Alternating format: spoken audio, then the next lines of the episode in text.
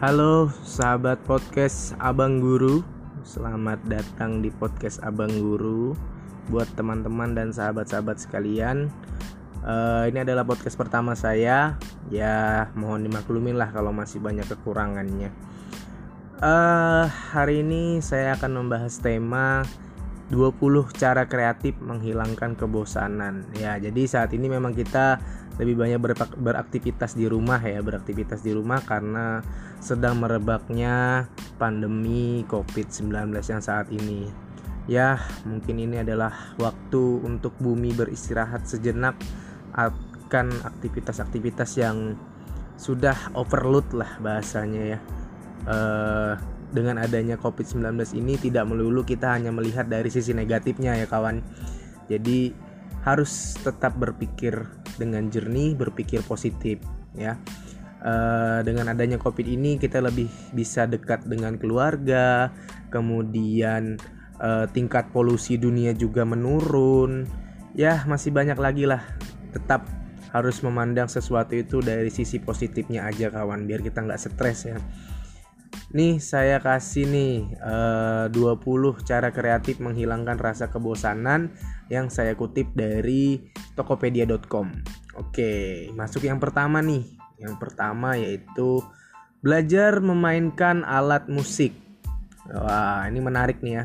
Ketika memiliki waktu luang di rumah, saatnya untuk mempelajari hal baru nih kawan. Misalnya kamu bisa belajar memainkan alat musik entah itu gitar, piano, drum, biola, uh, banyak lagi deh pokoknya. Bermain alat musik memberikan banyak manfaat loh. Selain memberikan efek menenangkan, bermain musik juga dapat menjaga konsentrasi Anda. Wah, menarik nih ya. Kemudian yang kedua nih, membuat lagu. Membuat lagu. Jika kamu sudah memainkan alat musik, ada baiknya menggunakan waktu luang kamu dengan membuat lagu nih. Selain produktif, aktivitas seperti ini akan meningkatkan kreativitas kamu dalam bermusik.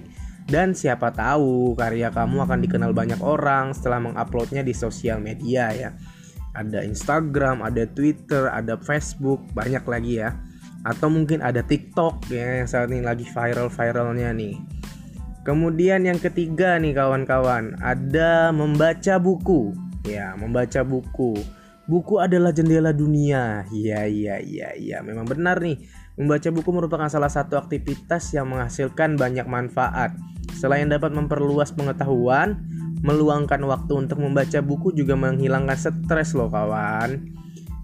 Oke, kita lanjut nih yang keempat yaitu menulis. Wah, ini yang banyak yang mau jadi penulis-penulis handal, penulis cerpen, puisi dan lain-lain. Banyak nih pokoknya. Eh uh, mungkin ini adalah salah satu cara kamu menghilangkan uh, stres kamu nih dengan cara menulis diary, menulis puisi, seperti yang saya sebut tadi ya. Itu salah satu cara untuk menghilangkan stres atau tetap produktif pada saat work from home. Yang kelima nih, jangan lupa nih, ini yang penting nih, olahraga nih. Oke, olahraga nih sangat-sangat penting nih kawan. Rutinitas kantoran mungkin tidak membuat tubuh kamu aktif bergerak. Hal tersebut tentu akan membuat kamu malas dan tidak sehat. Selagi di rumah, luangkanlah waktu kamu untuk berolahraga. Tidak perlu yang berat-berat nih, melakukan olahraga yang ringan saja. Misalnya push up 10 kali, sit up 10 kali, atau push up 50 kali, sit up 50 kali. Atau bisa skipping ya, skipping itu juga asik tuh, bisa bikin badan tinggi nih katanya. Kemudian yang keenam adalah maraton film atau serial TV. Nah ini yang saya tahu nih teman-teman saya nih banyak nih yang lakukan hal ini nih uh, misalnya maraton film drakor. Wah itu asik banget tuh kayaknya ya. Uh, kebetulan saya juga nggak terlalu belum belum belum sih ya. Belum terlalu suka dengan drakor. Tapi udah beberapa kali saya nonton drakor ya cukup menarik sih. Cuma uh, saya masih belum kecanduan. Itu namanya masih belum kecanduan ya. Oke yang ketujuh nih ada bermain game. Wah ini ini saya yang saya lakukan nih saat ini nih. Saya sering-sering lakukan yaitu bermain game. Bermain game merupakan salah satu aktivitas yang diminati oleh orang banyak ketika memiliki waktu luang. Akan tetapi alangkah baiknya jika bermain game di rumah saja. Bermain game di rumah saja dapat meningkatkan konsentrasi kamu karena minim dari banyak gangguan yang biasa ditemukan di luar rumah. Oke, selain kita harus menjaga physical distancing juga kalau kita bermain game di rumah ini lebih fokus ya apalagi kalau kita ya sekarang ini game-game udah seru semua sih udah bisa berkomunikasi tanpa harus bertemu ya kawan-kawan misalnya ada PUBG Mobile kalau yang masih pakai uh, game-game mobile itu ada PUBG Mobile ada yang Mobile Legend ada Free Fire ada apa lagi ya Get Rich mungkin ya Get Rich game lama tuh asik banget Oke, yang kedelapan nih, ya bertemu teman via online. Waduh, bertemu teman via online. Jika kamu anak rumahan dan rindu bersosialisasi dengan teman-teman kamu, dapat bertemu dengan mereka secara online. Kamu bisa menggunakan aplikasi seperti Zoom, Google Hangout, dan aplikasi sosial media lainnya. Banyak sih sekarang nih. Uh, WhatsApp juga bisa video call lain juga nggak harus pakai yang Zoom atau Google Hangout ya Oke kemudian yang kesembilan belajar memasak guys wah jangan biarkan dapur kamu berdebu walaupun sekarang banyak orang yang sering memesan makanan lewat online alangkah baiknya untuk berhemat dan meningkatkan skill memasak kamu sendiri Oke, yang 10 ada menari. Wah, nih asik nih. Menari merupakan salah satu bidang seni yang menggerakkan tubuh kamu. Selain sebagai salah satu cara untuk mengekspresikan diri, menari juga merupakan alternatif bagi kamu yang kurang menggemari olahraga. Nih buat cewek-cewek nih ya, yang kurang bisa push up, yang nggak bisa sit up atau yang nggak bisa skipping, skipping ya, skipping, skipping. Ini menari adalah salah satu cara yang efektif ya untuk tetap menjaga kebugaran, membakar kalori, melatih otot dan meningkatkan fleksibilitas. Oke, yang ke-11 yaitu adalah berkebun. Wah, ini mungkin yang suka main game Farmville mungkin udah jago banget di berkebunnya, tapi bagaimana caranya kita berkebun beneran nih guys, mumpung lagi libur ya.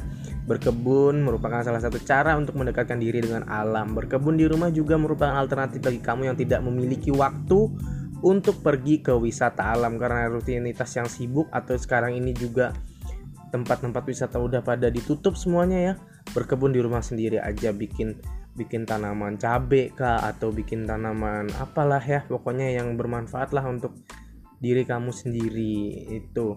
Kemudian bermain dengan peliharaan nih yang ke-12 ya bermain dengan peliharaan.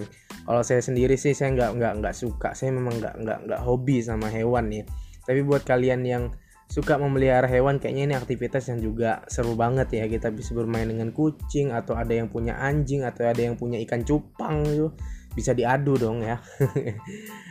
Oke, kemudian yang ke-13 adalah berbenah rumah. Oke, kayaknya ini udah nggak perlu ditulis lagi sih sebenarnya ya.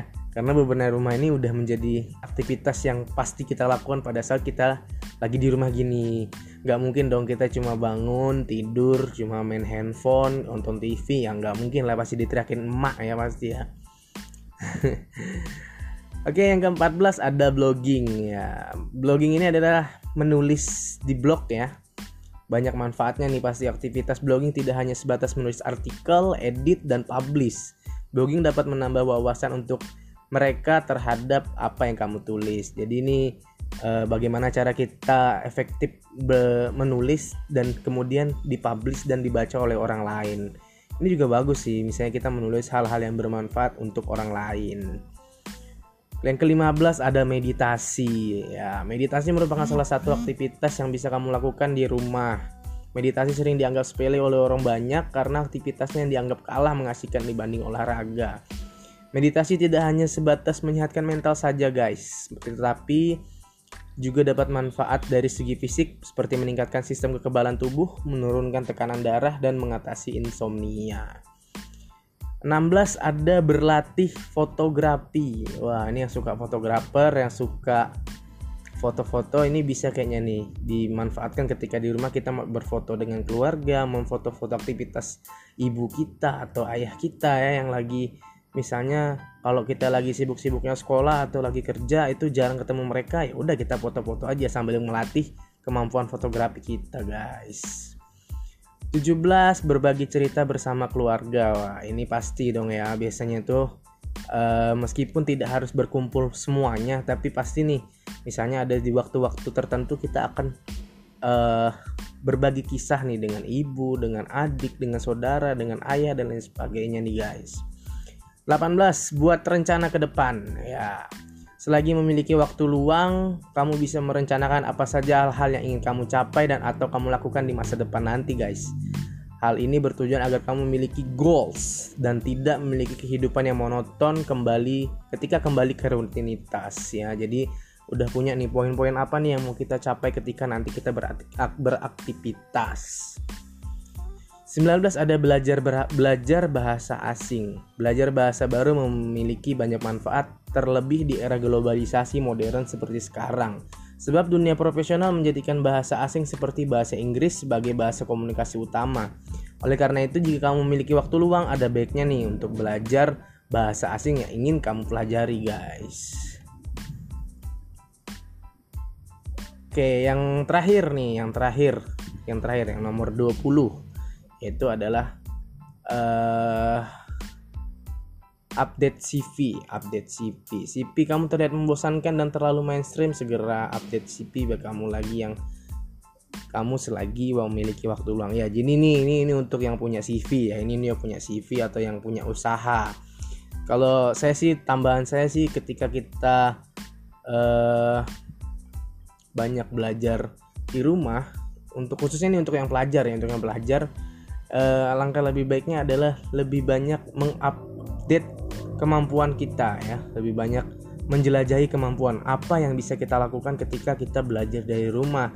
Jadi tidak hanya menunggu dan menunggu. Jadi kita harus juga punya hal-hal yang bisa menjadi sebuah inovasi dan nantinya akan bermanfaat untuk orang lain guys. Oke jadi itu ada 20 uh, eh, cara efektif atau menghilangkan bosan di rumah atau tetap efektif ketika kita di rumah. Jadi tidak harus di sekolah atau di kantor terus. Ketika di rumah pun kita harus tetap efektif, guys. Oke. Terima kasih untuk yang sudah mendengar. Mohon maaf jika masih banyak kekurangan-kekurangan yang terdapat di podcast ini karena ini merupakan podcast pertama saya, guys. Ya, tetap dukung. Kalau ada saran silahkan dikomentari saja. Sekian, Assalamualaikum warahmatullahi wabarakatuh.